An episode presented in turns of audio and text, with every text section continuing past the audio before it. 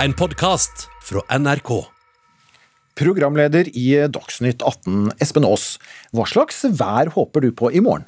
Da håper jeg på masse regnvær og grått og alle grunner til å ikke gå ut. Hvorfor det? Da skal jeg sette meg i sofaen og skal jeg brygge te og skal jeg kose meg foran TV hele dagen.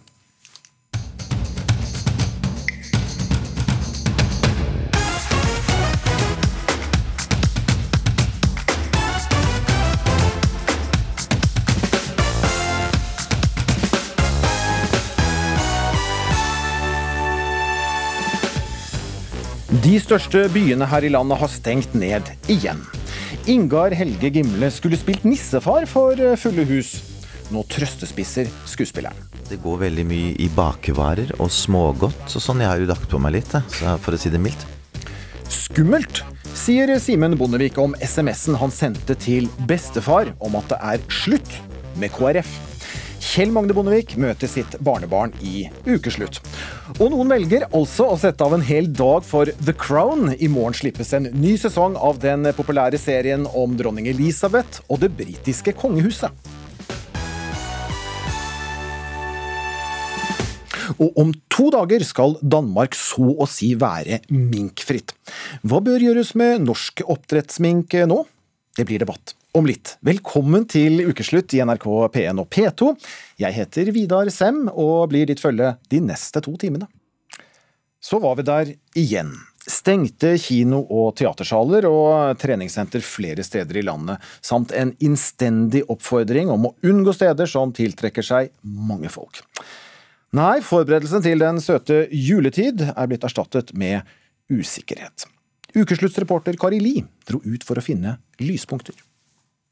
Det, er, det, går veldig mye i bakevarer og smågodt og sånn. Jeg har jo lagt på meg litt, jeg, for å si det mildt. Nei, altså jeg må, jeg må ha en kransekakering eller to liggende hjemme ja, når jeg har vært på jobb, for å liksom å muntre meg litt opp. Og så, for det er jo Skuespiller Ingar Helge Gimle har begynt å trøstespise. Inntaket av hvetebakst og kransekake økte da byrådslederen i Oslo, Raymond Johansen, nok en gang stramma inn. Vi innfører nå en sosial nedstenging av Oslo. Pressekonferansen klokken ett ble liksom sendt over hele høyttaleranlegget på Folketeatret. Og Da kjente vi, så vi på regissøren, og da, kjente, da fikk jeg sånn litt sånn mange sommerfugler i magen. Litt vonde sommerfugler, sånn som du hadde når liksom ikke ting gikk bra når du var like yngre. Den fikk vi alle sammen da. Nå sitter Gimle på en kafé. Egentlig skulle han spilt nissefar i 'Reisen til julestjernen'. Det kommer mennesker bort i skogen. Vi gjemmer oss og ser dem der. Chi-chi-chu-chu.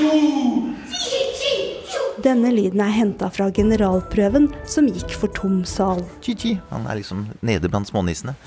Så vi er liksom litt sånn raske bevegelser og liten. Han er jo sånn liten som du ser liksom som flyr rundt deg oppe i naturen da. Så jeg må liksom ned. Jeg kan ikke stå oppreist. Så jeg kjenner jo når jeg har spilt nissefar i et par timer om kvelden, så kjenner jeg at det, oi, fin trening. Så jeg må, jeg må fortsette som nissefar både hjemme og på, på teatret nå. Ja, for Gimle må kanskje trene på egen hånd nå som treningssenteret er stengt. Og vi strekker opp i taket og får på fine skulderrotasjoner ned. Så ruller vi gjennom hele ryggen. Hans Erik Wist har god plass når han viser en dynamisk strekk. Instruktøren er aleine i salen på Sats Grünerløkka, men snart skal han holde treningstime på nett. Da er det bare å spre glede, gjøre seg klar for en Jeg kjører en halvtime nå på livestream-timene. Gøy halvtime. Krevende, men som jeg sier, det er bare å fjerne pledd og puter på gulvet hjemme i det norske hjem, og så bruk den plassen man har. Også kirken må forholde seg til nye tider. De som ikke holder stengt, kan ha maks 50 tilhørere på benkene. Og så kan jo Kirken gå i kontakt med kinoen. På pressekonferansen mandag kom justisminister Monica Mæland med et forslag til løsning. Det går jo an å avholde gudstjeneste i kinosaler. Men for de som skal holde kirkekonserter, er begrensningene et problem. Når snøstormen raser ute, er det paradis bak min rute. Kaminen er mørkerød. Wenche Myhre skulle på kirkekonsertturné i hele Norge. Torsdag fikk de nær 8000 som hadde sikra seg billett, en e-post om at turneen er avlyst.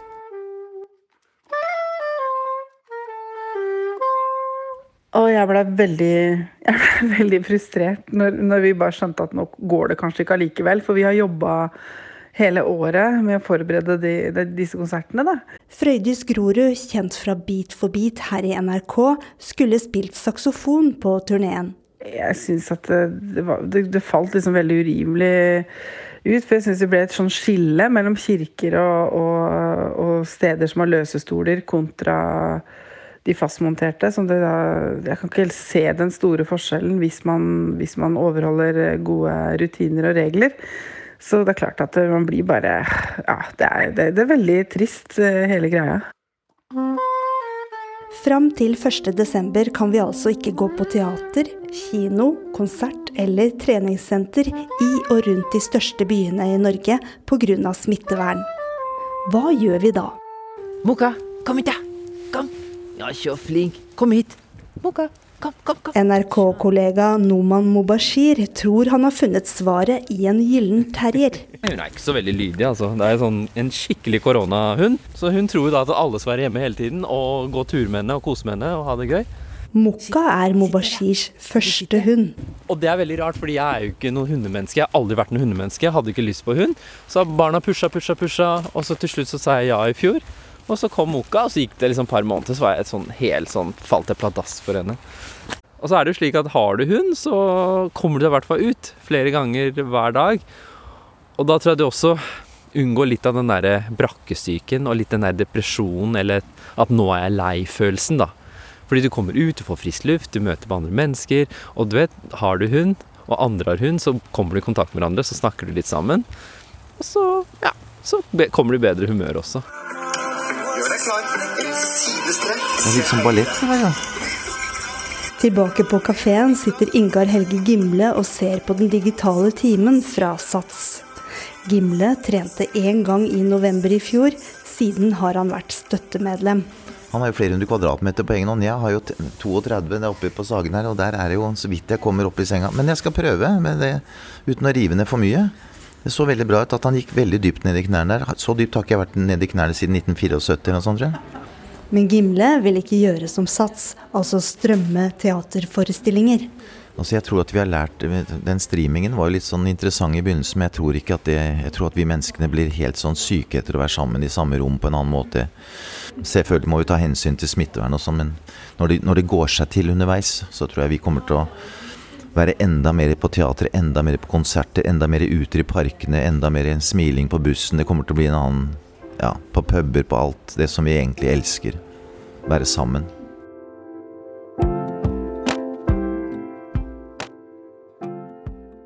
Denne uken har vi sett bilder av eh, tusenvis på tusenvis av mink i Danmark bli dumpet ned i eh, massegraver.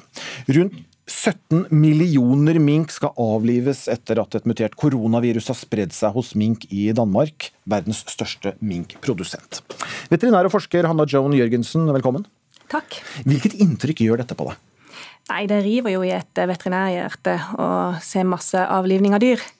Eh, Og så har det vært opprørende å se i media og sosiale medier eh, bilder av dyr som ikke blir avliva ordentlig. Og det håper og tror jeg at det er unntaket og ikke regelen. Og Her snakker vi om en hel populasjon, altså en hel dyreproduksjon som blir borte på få dager. Eh, Hvor dramatisk er det? Nei, Det er jo dramatisk å avlive en hel eh, dyrepopulasjon, og det gjør jo da danskene et føre-var-hensyn. Nå er dette en stor næring i Danmark med 1200 minkfarmer, og det er rundt 200 som er smitta av koronaviruset. 80% av disse dyrene skulle jo uansett avlives nå eh, i forbindelse med pelsing. Men det som er annerledes, er jo da at tispene, avlstispene skal også avlives, og farmene tømmes da for dyr. Så minkfarming og pelsfarming har jo vært kontroversielt, og norske minkbønder skal jo avslutte sin drift innen 2025. Det har de fått tid til. I Danmark så har de fått det fra over natt. Mm, mm. Vi skal komme tilbake til, til norsk minkfarming. Eh, Men er det fare, altså uten tiltak som nå gjøres, eh, for at vi ville fått en mutert utgave av viruset, som altså er oppdaget hos mink, overført til mange mennesker? Ja, så Det har vært en viktig eh, grunnlag for beslutninga i Danmark at dette er muterte, eh, et mutert virus som har vakt særlig bekymring. Eh, Og det De mener er at endringer på overflaten av dette viruset gjør at det kanskje ikke vil gjenkjennes av immunhukommelsen da, som dannes av en fremtidig vaksine. Enkelt fortalt så er du da bekymra for at vaksinen ikke vil funke like bra. Men dette er ikke godt dokumentert, og det er også omdiskutert. For virus de muterer jo hele tiden, eh, også når de smitter mennesker. Eh, og det er ikke nødvendigvis sånn at det muterte viruset oppsto hos mink. Det kan ha kommet fra menneske til mink, så det vil tiden rett og slett vise. Og Verdens helseorganisasjon sa denne uken at nedslaktingen av all oppdrettsmink i Danmark eh, ikke er nødvendig. Hva tenker du om det?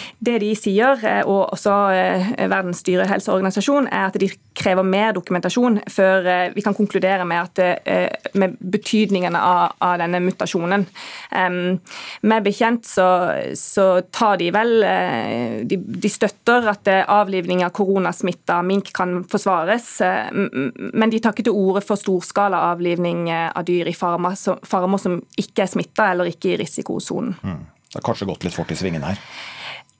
Det er viktig å handle raskt når det gjelder å kontrollere et smitteutbrudd. Så det tror jeg tiden nå vil vise når danskene får anledning til å dokumentere funnene sine. Det får vi se på. Takk i denne omgang, veterinær og forsker Hanna Joan Jørgensen. Du blir med oss litt senere, men nå skal vi ta debatten om mink hjem. Velkommen, Arne Nævra. Jo, takk skal du ha. Stortingsrepresentant for SV. Pelsdyrnæringen i Norge skal ja, etter planen avvikles innen 2025. Allerede i sommer så spurte du om landbruksministeren ville ta initiativ til en raskere avvikling av minkfarmer i Norge for å unngå dyr med sykdom og, og masseavliving, slik vi nå ser i Danmark. Ingenting har skjedd. Du spør igjen. Hvilket svar forventer du nå? Nei, Jeg tror nok eh, landbruksministeren er obs på dette her. og hun, eh, Jeg tror også hun tar saken veldig alvorlig, men hun er veldig redd for å framskynde avvikling av norsk pelsdyrnæring. De har altså fått veldig mange år på seg. altså Det er innen utgangen av 24, altså innen første, første 25 vi snakker om avvikling her. Eh, Det er mange år. De har fått tid til omstilling, og det har allerede skjedd mye omstilling. Det som jeg hadde lyst til å utfordre Bollestad på, er jo at hun i et føre-var-prinsipp burde sett på om ikke kunne ha forsert eh, avvikling av pelsdyrnæringa, eh, sånn at vi ikke får en plutselig nedslakting f.eks. sommerstid. Hadde vi gjort det nå vinterstid, så hadde det vært pelsa, så hadde vi sluppet å satt på en ny drift med nye tisper til ny avl. Det hadde vært en ganske god anledning. Vi har med landbruks- og matminister Olaug Bollestad. Du har fått eh, en utfordring og et spørsmål. Vil du nå ta initiativ til en tidligere avvikling av pelsdyrnæringen for nettopp å være føre var?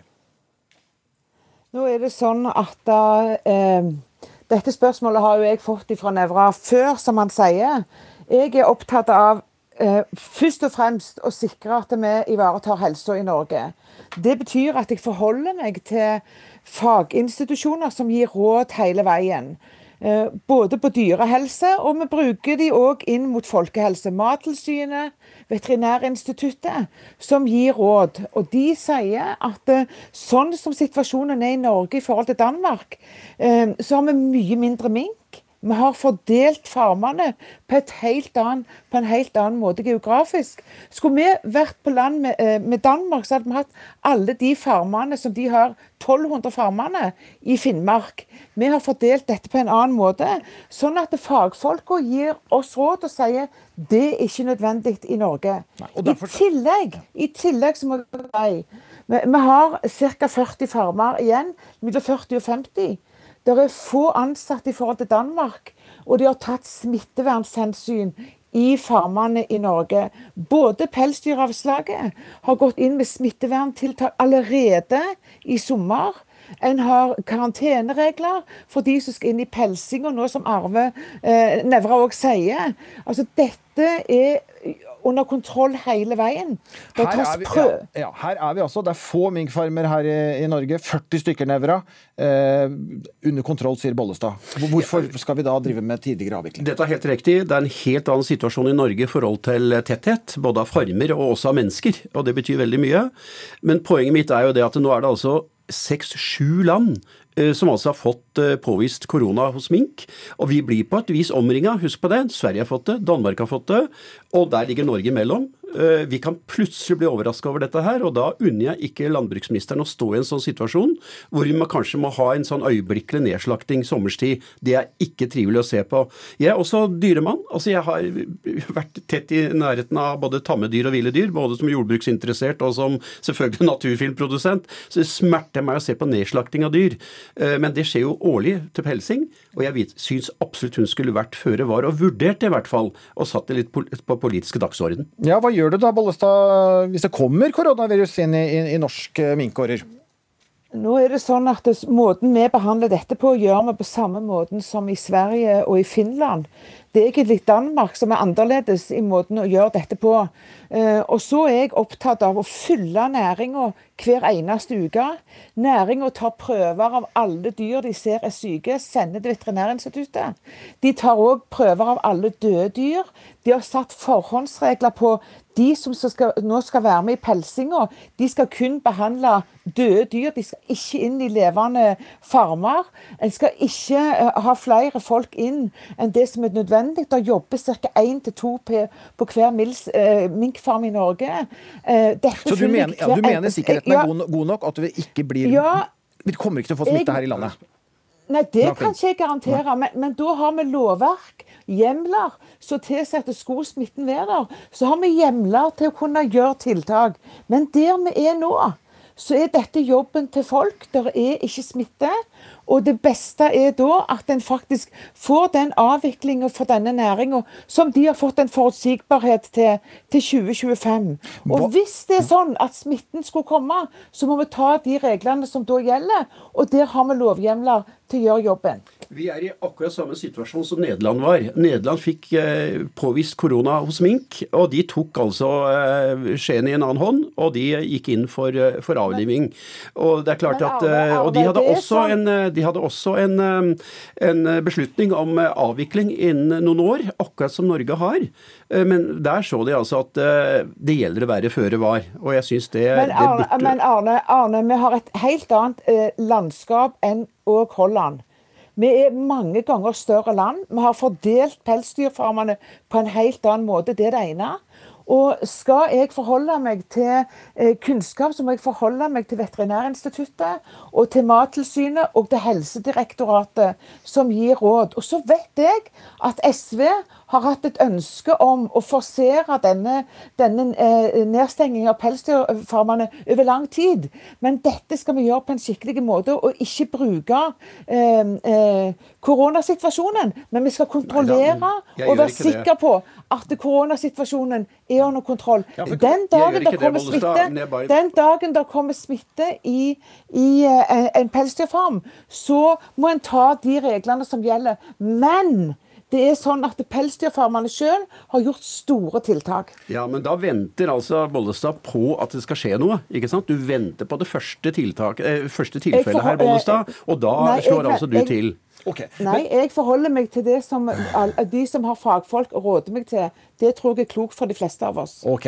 Vi, vi, som sagt, som Bollestad sa, så har eh, dere lenge ønsket eh, og er vært mot pels-SV, så det, er- det er klart man, man kunne jo mistenke for at det er lett å benytte den anledningen nå. Eh, Men samtidig så må jeg understreke det altså at vi SV har ønska å være rause eh, mot de som blir, eh, for de som blir ramma. Det, det kan Bollestad bekrefte. Dette var debatten i Stortinget. Vi hadde mange forslag som eh, tyder på raushet overfor de som blir ramma av omstilling.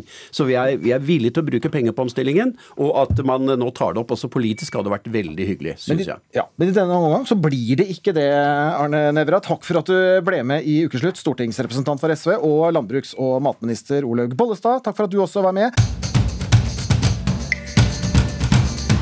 Ingen som veit.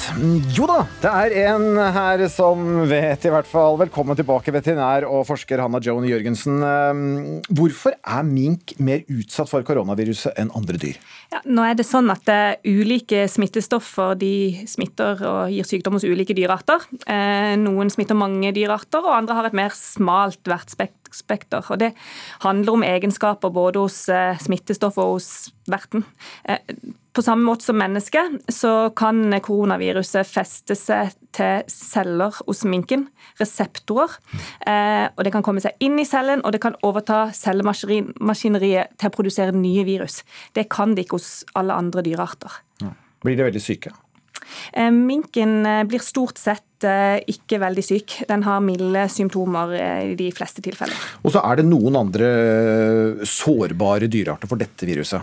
Ja, det, Kattedyr har vist seg å være noe mottakelige, men nå har jo eh, viruset herja i humanpopulasjonen globalt. Eh, og det er beskrevet veldig få smittetilfeller og sykdom hos katt. Ja, For da blir vi litt engstelige, alle Ja. katteeiere, for at Ja. eh, katten Ja, det, kan alt tyder på at det er eh, svært sjeldent at katt blir smitta og syke, og de bidrar heller ikke til smittespredning. Det er eh, vist. Så dyreeiere med koronasmitte de bør være nøye med hygienen også mot kjæledyrene sine, men det er ingen grunn til panikk. Nei, også hunder. Også hunder. Takk for at du ble med i Ukeslutt, eh, veterinær og forsker Hanna Joan Jørgensen. Premieren på fjerde sesong av The Crown nærmer seg med stormskritt.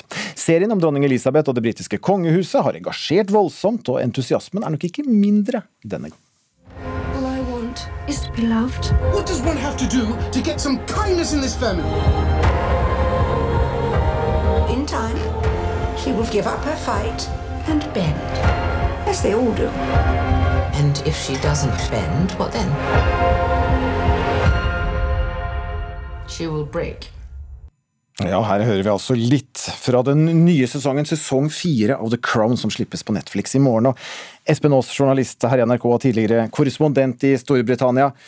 Hvor mye gleder du deg til morgendagen på en skala fra én til ti? Det er da man pleier å si 11 eller 12. eh, tror jeg. Nei, nå, nå kommer liksom selve indrefileten i denne historien. For nå kommer den tiden jeg også selv husker og, og levde. Så dette blir ekstra spennende, selv om jeg elsket de tre foregående sesongene.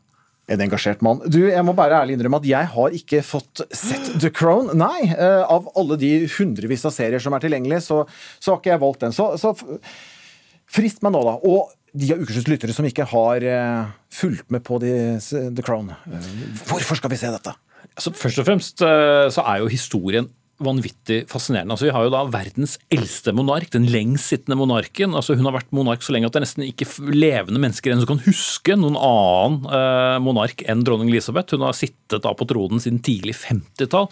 Men så er jo skuespillerne helt fantastiske. De både ligner og ikke ligner på en samtid. Du ser det er skuespill, du skjønner det er ikke dokumentar, men samtidig så har de så mye eh, av disse hovedfigurene i seg. Og så er jo scenografien og kameraføringen noe av det aller aller flotteste jeg har sett. Hvis du først begynner å legge merke til hvordan denne serien er filmet, og gjennomtenkt hver scene er, så er det nok til at jeg kan se episoder om igjen, bare fordi jeg husker at fotoarbeidet er helt fantastisk. Men oppbygningen, historien Du må bare se den. Og i denne sesongen så eh, kommer vi inn på 80-tallet, og da introduseres Diana. Hun blir vel en sentral figur i denne sesongen. Ja, det er jo ingen som har endret så mye på den britiske kongefamilien. Uh, ja, det har skjedd mye der de senere årene også, men da Diana kom inn eh, på, på 80-tallet eh, som en sånn eh, agent of disruption, som man gjerne sier når man analyserer historieoppbygging, det bare kastet rundt på, på alt, hvordan vi så hver enkelt i kongehuset. Ingeborg Misje Bergheim, velkommen til ukeslutt. Tusen takk. Du er egentlig stipendiat i fransk kulturhistorie ved Universitetet i Oslo. Men så er du også en stor Diana-beundrer, og har vært det siden barndommen. Absolutt. Hvorfor? Ja, eh, Diana er jo hun er for god til å dikte opp eh, den karakteren. Hun er da denne uskyldige, beskjedne eh, jenta som sliter med psykisk sykdom, som blir gifta inn i et kongehus, blir et offer for et system som trenger en slags jomfrubrud. Og så ender hun da opp med å nesten sprenge hele systemet. Hun endrer mediebildet i Storbritannia, hun endrer det britiske samfunnet, hun blir eh, viktig i kampen mot aids, mot spiseforstyrrelser. Og samtidig så sliter hun med disse eh, selvdukte- selvdestruktive sidene sine. um, og sliter med psyken hele tida. Men det er jo bare for godt til å dikte. Og det har fascinert deg. Det har fascinert meg veldig. Men eh, du er født litt senere enn 80-tallet. Det er jeg, ja. Jeg husker ikke engang at hun døde. Så ja, jeg levde da, men eh, jeg fikk det ikke med meg. Espen Aas, du er gammel nok. Bryllupet til, bryllupet til Charles og Diana. Ja, altså det, jeg, Hvor var du? Jeg, da satt jeg på en campingplass ved et eh, ferskvann i Indre Vestfold, eh, mitt hjemfylke. eh, Og vi, vi satt og så hele dette bryllupet da på en bitte liten, kornete skjerm på en reise-TV. Og jeg var fascinert selvfølgelig bare av de elleville folkemengdene som var i Londons gater. Men samtidig, altså jeg var jo ikke gammel, jeg var jo ni år, eh, og jeg husker da hvor rart det var at en så pen ung jente skulle gifte seg med en som egentlig for et barn så veldig gammel og rar ut. Og dette får vi i serien eh, denne sesongen her. Eh. Hvordan ser- du frem da til, til The Crown sesong fire? Jeg gleder meg veldig. For det, men nå kommer vi til det virkelig triste delen av kongehuset. Altså De tre forrige sesongene så har jo både dronning Elisabeth og prins Charles blitt portrettert ganske sympatisk som ofre for plikt og for rollene de faktisk har fått. Men nå får vi jo se de som skikkelig skikkelig grusomme mot denne veldig veldig unge jenta. da. Um, og så gleder jeg meg til å se klærne, da. For Diana var jo, uh, hun hadde jo ikke så mye stemme hun kunne bruke, men hun uttrykte seg gjennom klærne sine. Um, og jo tynnere hun ble, jo sykere hun var, jo mer ekstravagant kledde hun seg. Um, og det blir å, helt fantastisk, for de har gjenskapt kostymene, da. Og så er det en helt ukjent skuespiller, eh, Emma Corrin, som eh, spiller eh, Diana. Hvordan blir det å se ditt store idol i en annen skikkelse? Altså, folk har spilt henne veldig dårlig. Mange, de, mange store skuespillere har prøvd og ikke fått det til. Hun hadde en helt utrolig spesiell karisma, er det man forstår. Og det virker som at Emma Corrin, også fordi hun er såpass ukjent, kanskje får det bedre til. Fordi man kanskje klarer å se Diana, da, og ikke en skuespiller man vet veldig godt hvem er. Og den tristheten som hvert fall jeg husker særlig med, med Diana, som kommer veldig tidlig i ekteskapet, eh, ser, ser det ut som hun klarer å portrettere helt fantastisk. Bare de øynene som jeg først og fremst husker eh, med Diana, de kommer jo ganske tidlig. De drar jo på en, en tur til Australia hvor hun er ensom. Prins Charles bryr seg ikke om henne. Hun sitter under en stor middag og ser bare ut som sorgen selv. Og det ser det ut som hun klarer, klarer å portrettere kjempebra. Du må helt på tampen bare ja. Jeg har et siste spørsmål på tampen. Er du Espen Aas, Team Charles eller Team Diana? Jeg ser det hele litt utenfra. Jeg er Team Diana, hvis noen lurte. Surprise. ok, helt på tampen, Espen. eh, Det er en annen skikkelse du også ser frem til eh, denne sesongen. Ja, Den sterke kvinnen Margaret Thatcher som kommer inn og skal måle krefter eh, med dronningen. eh, Vinner noen ganger, men taper også fatalt. og Det er den scenen jeg gleder meg aller mest til, som for så vidt er portrettert i bøker og filmer før. Men når hun er gjest på Balmoral hjemme hos dronningen, og så tar hun på seg feil klær til feil måltid. Og Thatcher hatet jo å, å, å dra på disse besøkene. Hun mente det var fullstendig bortkastet tid å ha en weekend med de kongelige. Dette her skal du Espen sitte og se på i morgen. Og Ingeborg Misje Bergem, eh, ja, slår du ham, eller? I antall minutter serie i morgen? Det er jeg faktisk ikke helt sikker på, altså. Eh, eh, men jeg lurer på om jeg skal liksom porsjonere det litt utover. Det er litt for gøy nå til å bare ta, sluke alt på en søndag. God søndag, i hvert fall. Og god fornøyelse til eh, dere begge to, kollega Espen Aas og Diana-fan Ingeborg Misje Bergen. I en knapp uke har elevene ved Danvik folkehøgskole i Drammen sittet i karantene etter at det ble påvist covid-19 hos en elev ved skolen. Josefine Kloving, du er en av dem som siden eh, forrige søndag har sittet i karantene. Velkommen til ukeslutt. Ja, hei. Men du, ikke nok med det at du har sittet i karantene. Denne uken så fikk du også beskjed om at du er eh, koronasmittet. Um, Hvordan var det å få den beskjeden? Um, det, var, det var veldig overraskende. Um, ja, fordi jeg var jo på, i karantene med eh, to venninner. Um, og de hadde fått negativ test, og så var det kun jeg som fikk uh, positiv test. Så jeg blei veldig overraska. Det var nok uh, ja, sjokkerende. Ja, og Hvordan tok uh, dine venninner det? Um, de, ble, de ble nok litt uh, stressa med en gang. Det ble nok litt sånn stressa stemning på rommet, fordi de må jo teste seg på nytt. Og de ble veldig redde for at de har fått det av meg, da, i og med at de har vært i karantene sammen med meg på rom. Eh, men jeg måtte jo forlate rommet med en gang og så gå i isolasjon. Bare pakke med meg sakene mine. Og hvordan tok du det? Eh, det, jeg, jeg tok det egentlig ganske greit. Jeg tar nok litt Ikke Ikke lett, jeg vet at det er en, det er en veldig alvorlig eh, pandemi som er ute og går, men for min egen del så tenker jeg at jeg er utenfor risikosonen, og at det kommer til å gå fint. Du var den som tok det rolig her, du. Ja, jeg var nok det. Midt Det, oppi det. det blir ikke så mye spekulasjoner og så mye bekymring fra min side. Jeg tenker at det får gå som det går, og jeg tror nok at det kommer til å gå ganske fint. Det har det gått hittil. Ja, du har, ikke, har du merkbare symptomer eh, nå, eller? Ja, jeg, har, jeg startet litt med influensasymptomer, og så har det gått over til mest eh, hodepine og litt tung pust. Men jeg merker at det går eh, bedre og bedre for hver dag. Men jeg må si at kontrasten er jo veldig stor, da. Fra øh, å være på en folkeskole som altså per definisjon er samvær og fellesskap, til full isolasjon? Ja, det kan du si.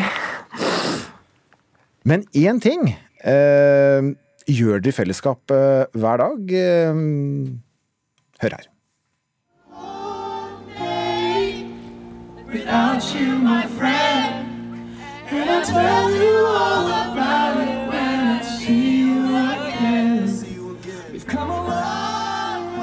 Ja, allsang eh, fra elevene fra, fra hvert sitt vindu, fra rommene. Hva betyr det for deg at eh, ja, dere åpner vinduene på, på skolen fra hvert deres rom og synger med? Jeg syns det er en veldig fin ting. Det blir et lite sånn lyspunkt hver dag. Fordi dagene de går veldig ett, og det er jo mange som nå har vært i karantene på skolen. Og folk har vært kjempeflinke til å bare holde seg inn på rommet sitt, og, og ledelsen har vært kjempeflinke til å gi oss litt ekstra god mat osv. Eh, men det, den allsangen tror jeg alle sånn, den, den blir alle med på, fordi alle setter så pris på det lille sosiale vi kan ha sammen. Da. Og det er kjempefint. Jeg merker at man, man bonder nesten på en eh, litt annen måte, eh, og enda mer ved å gjøre det. Men du er altså i isolasjon nå. Hva er det verste for deg? Hmm, Det verste for meg, det er kanskje å hmm, At jeg Hva skal jeg si? Det, jeg er nok et veldig sånn sosialt vesen. Så jeg syns det er litt vanskelig å ikke se ansikter hver dag. Eh, Men jeg er jo en del på FaceTime og på telefon, så det hjelper jo en del. Men jeg må nok si at jeg syns det er vanskeligst å være her helt alene.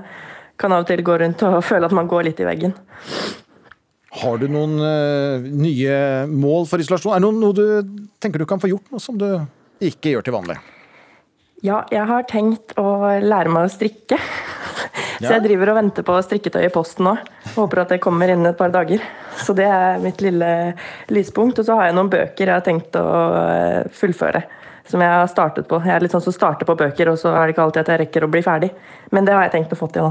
Nå har du en, nå har nå har du en gyllen mulighet. Eh, Du, God bedring, eh, og, og takk for at du ble med i Ukeslutt, Josefine Kloving, altså, som er elev ved Danvik folkeskole. Og Ja, selv takk. Ja, og du fikk altså denne uken påvist eh, covid-19. Nå skal vi også snakke om endring, eller forandring. Eh, Simen Bondevik, velkommen til ukeslutt. Tusen takk. For nøyaktig én uke siden så sendte du en SMS til din eh, bestefar, Kjell Magne Bondevik. Hvordan var det å sende den SMS-en? Det var først og fremst eh, skummelt. Hva var det du skrev?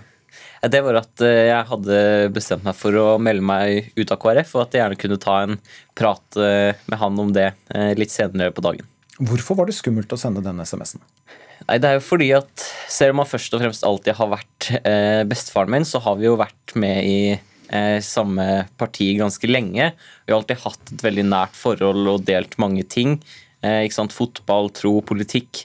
Så det var jo skummelt å bryte med det partiet som man har vært med i så lenge, og at vi hadde litt forskjellige oppfatninger om hvor det partiet var i dag. Så det var litt, eh, derfor var det skummelt. Hmm. For bestefar er jo ingen hvem som helst. Eh, Kjell Magne Bondevik, velkommen til deg også. Takk for det. Ja, Hvordan reagerte du da du fikk eh, SMS-en fra ditt eh, barnebarn Simen? Jeg var egentlig ikke så overraska, det var ikke noe sjokk, fordi vi hadde jo snakka såpass mye om politikk eh, i den seinere tid at jeg skjønte kanskje at det gikk den veien.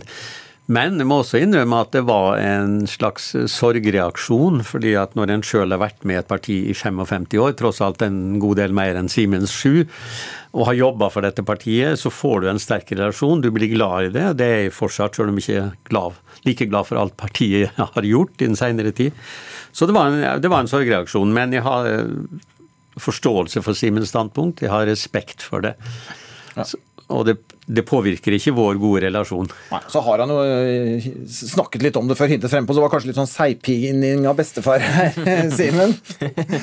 Ja, kanskje det er Men altså, vi har jo, vi har jo snakka mye om politikk. Eh, Det har vi alltid gjort. Det er kanskje ikke tema ved middagsbordet, men vi har ofte snakka mye om det ellers. Sånn at eh, han visste veldig godt hvor jeg sto, så, så det var nok ikke noe sjokk for han. Eh, Kjell Magne Bondevik, eh, som du selv nevnte, du har eh, ja, selv hatt 55 år i Kristelig Folkeparti. Du var partileder i en årrekke og statsminister i to omganger.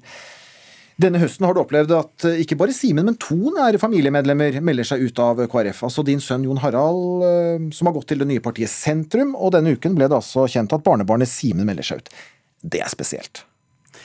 Ja, men i Bondevik-slekta og familien så er vi vant med at vi kan ha ulike eh, politiske standpunkt. Altså, jeg hadde jo en onkel eh, som var berømt, Kjell Bondevik, på stortingsrepresentant, statsråd.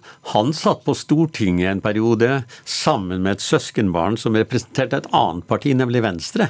Borghild Bondevik Haga. Så dette er vi vant med. Vi er glad i hverandre som familie og som slekt, og så gir vi selvsagt rom for at en kan ha ulike syn også i eh, politikken. Har bestefar noen gang tenkt tanken om å forlate KrF? Nei, jeg har egentlig ikke det. Det er klart at når eh, en del andre som jeg har jobba sammen med i politikken, eh, har meldt seg ut, så går tanken inn, men den går like fort ut igjen. Fordi at For meg er det som å være litt sånn fotballsupporter. Altså Jeg går ikke over fra Molde til Rosenborg eller fra Manchester United til, til Liverpool. Det gjør jeg ikke. Men du, men du har tenkt tanken? Ikke seriøst. Uh, altså det er klart Lekt med den?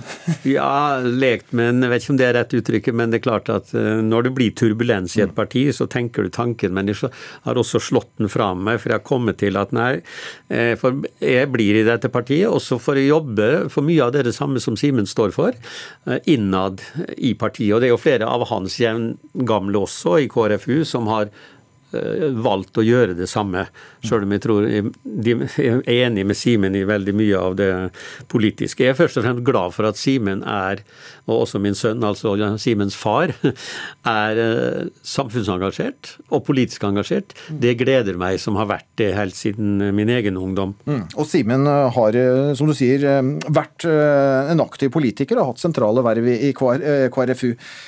Eh, Som jo har gledet et KrF-hjerte, eh, som ditt. Eh, Men han har også en helt spesiell plass i ditt eh, bestefarhjerte.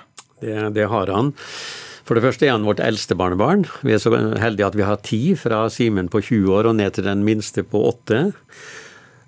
Så betyr han også noe spesielt for oss, fordi at det var jo veldig lenge usikkert på om han kom til å leve opp. Livet hans hang bokstavelig talt i en tynn tråd i et halvt år. Han ble jo født tre måneder for tidlig. Han var nede i 700 gram. Eh, og hver gang vi fikk en telefon fra foreldra og fra sykehuset og sånn, så frykta vi det verste. Eh, og han var jo så liten han kunne ligge i hånda mi omtrent, som ei smørpakke. Eh, Så det var veldig spesielt. Vi så han den første tida bare gjennom kuvøser og glass og masse ledninger for å holde han i live. Eh, Og vi var så glad da det stabiliserte seg etter ca. halvt år. Han var døden nær flere ganger. Og da er det klart at da får han en helt spesiell plass i, eh, i hjertet, og vi er kjempeglad i alle barn, svigerbarn og barnebarn. Men dette var helt spesielt med Simen. Som bestefar eh, har du innerst inne eh, sett for deg Simen som en kommende KrF-stjerne? Ja, det har jeg nok. Eh, han, han, da han var yngre og litt mer kanskje slepphendt i det han så, så sa han jo sjøl til og med at jo, han kunne tenke seg å bli statsminister som bestefar. jeg vet ikke om han husker det sjøl. eh, Så det hadde jo selvsagt syntes var veldig gledelig, men først og fremst så er jeg glad for at han er eh, eh, samfunnsengasjert. Og vi har det samme gode bestefar-barnebarn-forholdet. I morgen er det søndagsmiddag med hans familie, og det blir like hyggelig som før. Ja, da, skal, eh, da er du invitert til søndagsmiddag, og da blir det vel litt eh, eh, politisk eh, prat også, Simen? Eh, Ja, det blir helt sikkert. Altså, så, ofte rundt middagsbordet så prater vi om det samme som veldig mange andre familier. Andre, andre ting enn en bare politikk, men det blir helt sikkert litt politiske, politiske diskusjoner også. Og så var det litt spesielt for meg at da Simen var KrF-er, og han ble jo valgt inn i kommunestyret i Nordre Follo, eh, så ble jo jeg kumulert opp, som eh, enda jeg sto på sisteplass, og ble hans vararepresentant. Så jeg har jo nå sittet i høst, og i vår også, i kommunestyregruppemøter for Nordre Follo KrF under Simens ledelse. Og det var jo litt eh, morsomt. Og det hendte jo en gang at jeg kanskje tok ordet utenom tur, og da kom det forsiktig fra gruppelederen Simen. Bestefar, det er ikke din tur nå, du må vente litt. det var litt stas, Simen. Ha kontroll på bestefar der. Ja, det var litt morsomt. Jeg skal innrømme det. Ja. Men du, nå er det Den muligheten har du ikke mer, for eh, du har meldt deg ut av eh, KrF. Eh, Kan du bare sånn kort si med noen ord hvorfor du, du gjør det? Mm. Altså Mitt politiske engasjement det har alltid vært for noen politiske saker, og ikke primært for et politisk parti. Eh, Og Jeg har jo opplevd at KrF ikke lenger er et kristendemokratisk parti, men et kristenkonservativt parti. Ikke et sentrumsparti, men et borgerlig parti. Og så opplever jeg at det er flere ting som var sentralt i starten av mitt politiske engasjement, som klima, innvandringspolitikk, bistandspolitikk, hvor jeg opplever at KrF har, har svikta mange grupper og ikke har levert på de sakene som var grunnen til at jeg meldte meg inn. Vi har jo ikke partiledelse her, men vi har en bestefar som eh, Akkurat det med kristenkonservativt, jeg tror du rista litt på hodet der. Ja, jeg ville nok nyansert det. Det er kanskje Først må man definere hva han mener med det begrepet, men det skal ikke ta tid til nå. Det har vi vel ikke tid til. For det annet så syns jeg det er litt for unyansert. For jeg mener det er forskjellige strømninger innad i KrF, og noen av oss er klare sentrumsorienterte kristendemokrater, slik som Simen i sin tid ble appellert av. Men det, det får vi ta en videre diskusjon om når vi har tid. Du, han har han har altså øh, gått ut av KrF, og du har fortsatt ikke funnet deg noe nytt parti, eh, Simen? Nei. Nei. Men, men øh, altså, Kjell Magne Bondevik, ønsker du ditt barnebarn i, en, i et konkurrerende parti, eller at han dropper å være aktiv politiker? Det er kanskje pest eller kolera? ja, det er omtrent det. Nei, altså, Simen har et samfunnsengasjement, politisk engasjement, og hvis han vil fortsette det også i et politisk parti, det går jo an å gjøre det på andre måter, selvsagt, men hvis han vil også det, så vil jeg ønske han lykke til. Alle andre partier er selvsagt konkurrent for KrF, men det eh, har Bondevik-slekta levd med før, det kan vi gjøre igjen. Ja, Du ledet jo en sentrumsregjering, så partiet sentrum er vel kanskje ikke så galt? Nei, det er det, nå er det veldig uferdig, de har ikke fått noe program ennå, men det høres jo ikke ut som å være det dårligste av de andre alternativene. Nå kunne vi få en sentrumsregjering igjen. Det utelukker faktisk ikke helt nå. Her Så jeg tror jeg alle, eller begge vi to hadde vært veldig happy. Her drømmes det i studio, Kjell Magne Bondevik. Dette her blir det sikkert samtale om i morgen, da det blir familiemiddag hos, eh, hos familien Bondevik. Takk for at dere ble med i Ukeslutt, eh, Simen Bondevik, utmeldt KrF-er, og barnebarnet til Kjell Magne Bondevik, som også var med her. Det har vært en høst eh, der flere politikere har valgt å lukke døren bak seg og gjøre det slutt med sitt eh, politiske parti. Per Sandberg melder seg ut av Fremskrittspartiet og inn i partiet Liberalistene. Styreleder i partiet Sentrum, Geir Lippestad. Tusen takk. Har du rukket å melde deg ut av Arbeiderpartiet? Ja, jeg har rukket det. Med tungt hjerte, selvfølgelig. Arbeiderpartiets veteran Jan Bøhler melder overgang til Senterpartiet. Simen Bondevik har meldt seg ut av KrF. Og Dagrun Eriksen er en av dem. Så skuffa. Har meldt seg ut av Kristelig Folkeparti og er nå med i Sentrum.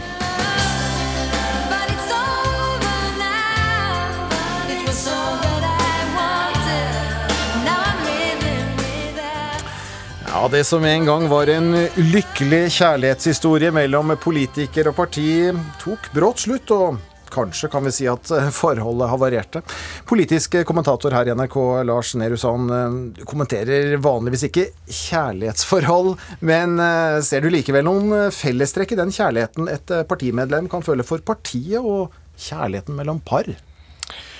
Det er jo et felles ønske om en livslang lojalitet. eh, Og det er jo et ønske, eller et en innforståtthet om at det er noe man må jobbe med, og at ting eh, sklider frem i, i livet. Men, men det er jo også sånn at eh, man kanskje erkjenner, både når det gjelder partivalg og valg av ektefelle, at eh, man aldri finner den helt optimale, perfekte, som det ikke er noe å utsette på. Men at det er den beste og viktigste, og derfor skal det være oss to for alltid. Og sånn er det nok når mange ikke bare melder seg inn i et parti, men er aktive politikere for et parti. At, eh, at alle i, i partiet forventer at det er noe som betyr så mye, er så mye del av din identitet, at det ikke går an å bytte, egentlig. Men så har det gått litt skeis.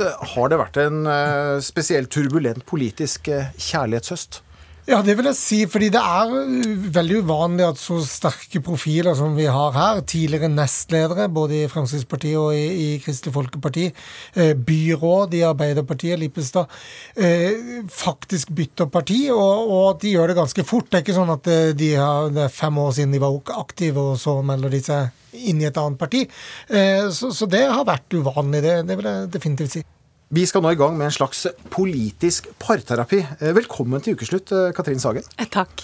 Du er eh, parterapeut og eh, psykolog. Og i podkastserien Havarikommisjonen i NRK, som du er med i, så prøver dere å finne ut hvorfor ulike kjærlighetsforhold har havarert. Om det kunne ha vært unngått, og om det er noe vi andre kan lære av dette bruddet. Du, la oss prøve å overføre dette til disse politiske bruddene. Og eh, partiet blir da den ene parten i forholdet. Og vi starter med det ferskeste bruddet. For denne uken ble det klart at mangeårig nestleder i KrF, Dagrun Eriksen, etter 20 år hadde bestemt seg for å gå over til partiet Sentrum. Og da hun skulle snakke om bruddet med KrF i Dagsnytt 18 denne uken, beskrev hun det nettopp som en kjærlighetssorg. Altså det, må jeg si, først må jeg si det er jo litt kjærlighetssorg, men det kan være kjærlighetssorg selv om en gror litt fra hverandre. Og En av de sakene som kanskje har opprørt meg mest, er jo saken om Moria og barna våre der.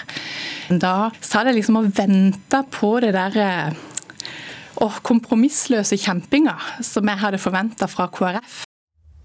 Ja, parterapeut eh, Katrin Sagen, hva hører du her? Her hører jeg at hun em, kjenner på et tillitsbrudd. Og det er jo noe av det som gjør mm, som, som skader et parforhold aller mest. Når den andre gjør noe som man tenkte var utenkelig, eller, eller eh, i dette tilfellet ikke gjør det hun hadde håpet på. Politisk kommentator eh, Lars Nehru Sand, eh, kunne eksen KrF ha kjempet mer, bl.a. for disse Moria-barna? Det gjøres jo vanskelig av at eh, man er i et regjeringssamarbeid med andre partier, og der har jo Kristelig Folkeparti internt eh, kjempet for Moria-saken. Eh, men dette er da det man oppnår, det er åpenbart ikke godt nok å si det med en ny partner, da, eller et nytt forhold eller samarbeidskonstellasjon, men det er da åpenbart ikke godt nok for Eriksen. Og, og det er jo noe mange partier og også partiledelser ser, at når man går inn i regjeringssamarbeid eller skal finne kompromisser og løsninger med andre partier som skal bære, eh, så gir man bort noe av seg selv på, på veien. Og det er jo det som Eriksen reagerer på, da, at Kristelig Folkeparti har gjort. Og om de kunne gjort noe annerledes eller noe mer for å holde på Eriksen, det, det vet jeg ikke. For jeg tror det, det kan godt være at dette er den siste dråpen i glasset, men, men det ligger nok mye vann der fra før. Ja, for hun sier jo liksom sånn at vi har grudd litt fra hverandre, ikke sant? Så det er tydelig at det er en eller annen Over sånn trist Over tid. Og at, den, at, at det er noe med sånn ensomhet hos henne eh, som, som jeg tror hun har kjent. Men er det en eks som vil ha noen tilbake? Vel, da nestleder i KrF Ingelin Nordensjø snakket om bruddet eh, i Dagsnytt 18 etter å ha mistet eh, to KrF-profiler eh, på kort tid, også Simen Bondevik, som vi hørte tidligere i sendingen, så beskrev hun det som trist og rart.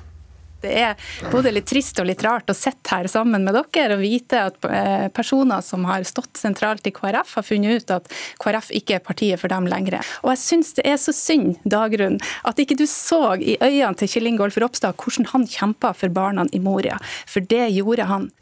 Er det en som prøver her, eh, Katrin Sagen? Hun, Ja. nevnte også et, eh, et nytt partiprogram, eh, og bare se her. Vi, vi, vi, vi står på det vi, vi, skal stå på. Mm, Ja, se meg. Hvis jeg bare forklarer godt nok, så vil hun kanskje ha meg likevel, ikke sant? For det er noe det den må bli forlatt. At det kjennes som at livet litt går i stykker, og, og at det gjør så vondt å kjenne seg utbyttbar. Det liker vi jo ikke. Sant? Så hun prøver jo på en måte å kjempe her. Eh, og også sånn, hvorfor så du han ikke i øynene og så hvordan han kjempet? ikke sant? Da kunne du kanskje, da kanskje Hadde du kjent båndet mellom oss, kjærlighetsbåndet? Vi, vi er jo der, vi vil jo ha det. Men det båndet var borte, og hun kommer kanskje ikke tilbake. Nei, det tror jeg. Vi eh, skal til et eh, annet brudd. For bare dager etter at Geir Lippestad forlot eh, Arbeiderpartiet og satset på nytt parti med sentrum, så kom beskjeden om at Jan Bøhler hadde sagt ja til å stå på topp på stortingslisten til Oslo Senterparti ved valget neste år.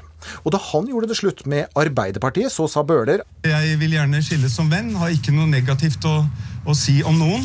Og, og håper at eh, vi nå eh, kan løfte eh, våre partier framover mot eh, stortingsvalget neste år for å kunne få til det vi ønsker da. Og håper de vil fortsette å støtte meg i de sakene vi er enige om. Psykolog og parterapeut Katrin Sagen. Ja, når noen gjør det slutt etter over 30 år og forteller at de har funnet en ny, hvor sannsynlig er det at man kan bevare vennskapet og fortsette å heie på hverandre? Ja, det kommer litt an på hvor langt eh, begge partene liksom har vokst fra hverandre. Og her er det jo tydelig i hvert fall at han, at han har gått videre, og, og da ser vi at, man, at, at For han er jo litt et bruddet mer avklart. Han har holdt på med den avelskingsprosessen alene sikkert over god tid, og er helt jeg er ferdig med dette. Det blir ganske udramatisk brudd for hans del. Så kan det jo være at det ikke kjennes sånn for, for det som nå er eksen hans, som er overrumplet over at har du gått og ikke fortalt meg noen ting, og kanskje nettopp kjenner det som en slags utroskap, nærmest. Ja, For eh, reaksjonene fra eksene i Arbeiderpartiet, de var ikke bare vennlige, Lars Nehru Sand? Nei, definitivt ikke. Og det tror jeg handler litt om, om det som blir sagt her, at, at, det er jo Det kom veldig brått på. Og Bøhler er jo allerede valgt inn på Stortinget for Arbeiderpartiet og skal jo da nå gå i møter med Senterpartiet istedenfor eh, de ukene og månedene som er igjen av, av, denne stortingsperioden. Så det blir jo veldig hardt og brutalt. Og, og at og bruddet skjedde du har liksom, Han har jo funnet nye damer veldig fort. Eh, så at det skjer da eh, på den måten du gjorde, det tror jeg bidro til ekstra sterke reaksjoner fra Arbeiderpartiet. Kanskje også så sterke at du slo litt tilbake på Arbeiderpartiet selv, den, den veldige aggresjonen. La oss bare høre noen av reaksjonene. Arbeiderpartimedlemmer er i sjokk og beskriver det som et svik. Sviker som skiter i eget reir. En mann ingen ville kjøpt bruktsykkel av. En desperat og selvopptatt solospiller. Ja, Det gikk kanskje litt en sånn varm kule her, for, for flere har angret eh, noen av disse uttalelsene i etterkant og, og mm. beklaget, beklaget, det som ble, ble gjengitt. Um, det er vel ikke uvanlig ved brudd? Nei, sant, det er jo det der vi, Hvordan kunne du, liksom? Det, først kommer det sint. Hvordan kan du gjøre sånn mot meg?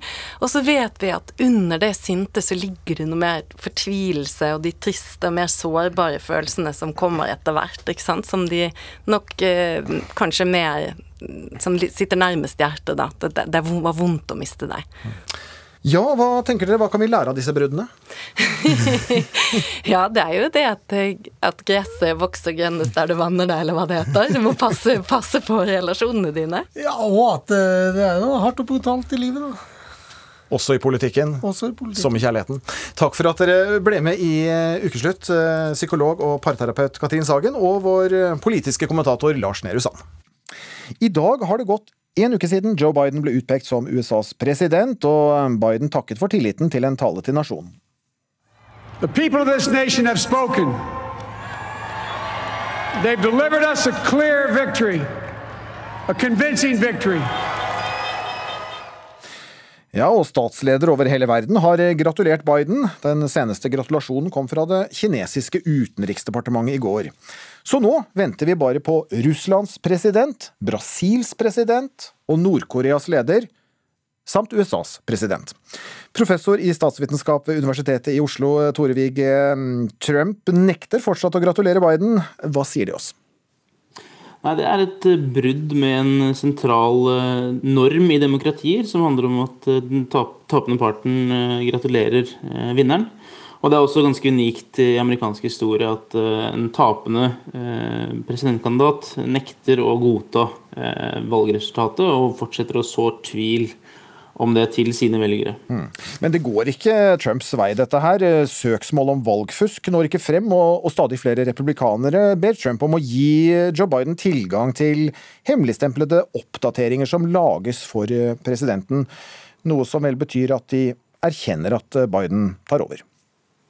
Ja, det foregår nå et slags uh, spill uh, hos republikanerne, hvor uh, flere av de må, den, altså må, vurdere om de skal støtte Trump, eller om de skal på en måte slutte opp om de demokratiske institusjonene som de selv er en del av, og innse at Biden har vunnet valget. Og nå, som, som du sier, er det ganske mange republikanere som som, som forlater Trump og, og innser at Biden har vunnet. Ja, ifølge CNN så er det også splittelse innad i, i Trump-familien om, om, hvordan eh, valgnederlaget bør håndteres? Ja, eh, det er jo da altså, Jared Kushner og Ivanka er vel litt mer eh, Altså hans Ivanka Trumps datter er litt mer positive til at Trump skal gratulere Biden. Mens eh, Don jr., som er, som er, eh, som er Trumps sønn, han ser kanskje for seg en eh, politisk karriere som en slags arvtaker til Trump i det republikanske partiet, og han eh, virker å være mye mer eh, på en måte hardliner eh, i støtte til faren sin og hans forsøk på å delegitimere valget. Men i går, under en pressekonfer- pressekonferanse som Trump holdt om koronavaksiner, så hørtes det ut som om presidenten holdt på å forsnakke seg. La oss høre. Hopefully, the the uh, whatever happens in the future, who knows which administration it will be? I guess time will tell. But uh, I can tell you, this administration will not go to a lockdown. Ja, øh, han sa at denne administrasjonen vil ikke innføre nedstengning, eh, og forhåpentligvis ikke Han snubla litt der? Ja, han snubla litt. Antyder vel kanskje at eh, han ser for seg at det er en annen eh, administrasjon enn hans egen eh, som skal sitte de neste fire årene. Men eh, det er vanskelig å, å si hva, hva vi skal legge i det, egentlig. Men kan det være at Trump aksepterer resultatet, men at han aldri vil erkjenne nederlaget? Ja, jeg tipper nok eh, på et eller annet vis så vil han, eh, så vil han akseptere eh, resultatet, men han vil nok aldri offentlig innrømme at han har tapt, og han vil fortsette å så tvil om, om valget til sine, blant sine egne velgere. Og forsøke å mobilisere sine støttespillere eh, måte, i tråd med det narrativet i lang tid. Da. Eh, ja. Hmm. Men 20. januar så tar Joe Biden over som eh, president. Eh, Hva kommer til å skje dersom Trump nekter å forlate Det hvite hus? Da vil han bli eskortert ut av Secret Service, vil jeg tro. En husokkupant, altså. Hvis du ikke har bodd under en stein den siste uken, eller hørt de siste minuttene av ukeslutt, så har du fått med deg at USA har fått ny president. Det betyr at Donald Trump eh, må flytte ut av Det hvite hus innen 20. januar. Hvis han nekter, så kommer det her tips Trump trenger for å klare seg som husokkupant. Å gi han noe råd, det, det tror jeg ikke jeg vil tenke på engang. Altså, men eh, eh, holdt på å si lenken er fast. Mannen som ler, veit hva han snakker om. Men la oss ta det fra begynnelsen. Et lyseblått trehus midt i Oslo sentrum. God dag, god dagen. Hei, hei. Der bor Morten Fastvold. Jeg er filosof og skribent, og eh, i min ungdom så var jeg husokkupant. Bare Bare et steinkast unna der han nå eier en villa, tilbrakte Fastvold en dramatisk tid på ulovlig grunn. Jeg tenkte jeg vi kunne gå ned her, ja, Solhaugata. Eh, alt dette her skulle vekk. For på 70-tallet var det bolignød i hovedstaden, og den gamle trehusbebyggelsen skulle rives til fordel for flere leiligheter. Du skal snart få høre mer om Fastvolds fortid som okkupant, men først en liten tur til USA. Du har sikkert sett klippet. En mann som ser ut til å være Donald Trump på hoppeball i et rom fullt av barn. Når rådgiveren hans sier at leken er over, nekter han å gi seg. Det ender med at han blir dratt ut etter beina. Klippet har igjen nådd sosiale medier etter forrige ukes valg, der Trump sa at valget var rigga, og at han umulig kan ha tapt. This is a fraud on the American public. If you count the legal votes, I easily win. We were getting ready to win this election. Frankly, we did win this election. Kanskje ikke så rart at noen derfor spør seg om han også må dras ut av Det hvite hus. You're the president of the United States. Let's go. Så, så her var det. Høsten 1975, og ei gammel trerønne vekka engasjementet til Fastevold. Du så jo at den hadde vært ganske staselig i sin tid, men den var veldig nedslitt. Eh, og skakk og skeiv, og vinduene var knust. Og, og så, det var jo utedoer, ikke sant. Det var selvfølgelig ikke innlagt eh, vann der. Vi står foran en moderne blokkleilighet. Det var her Fastvold bodde i mindre ordna former. Eh, Vi skulle hjelpe leieboerforeningen her med å bevare Rodeløkka. Eh, og premien for eh, og det var at vi kunne få en leilighet hvis vi lyktes, da. Selv om naboer kom med lapskaus og oljeovner, var det flere enn huseierne som ikke likte det de dreiv med. Blant annet så var det noen sånne nynazister som eh, eh, Det med provokasjoner.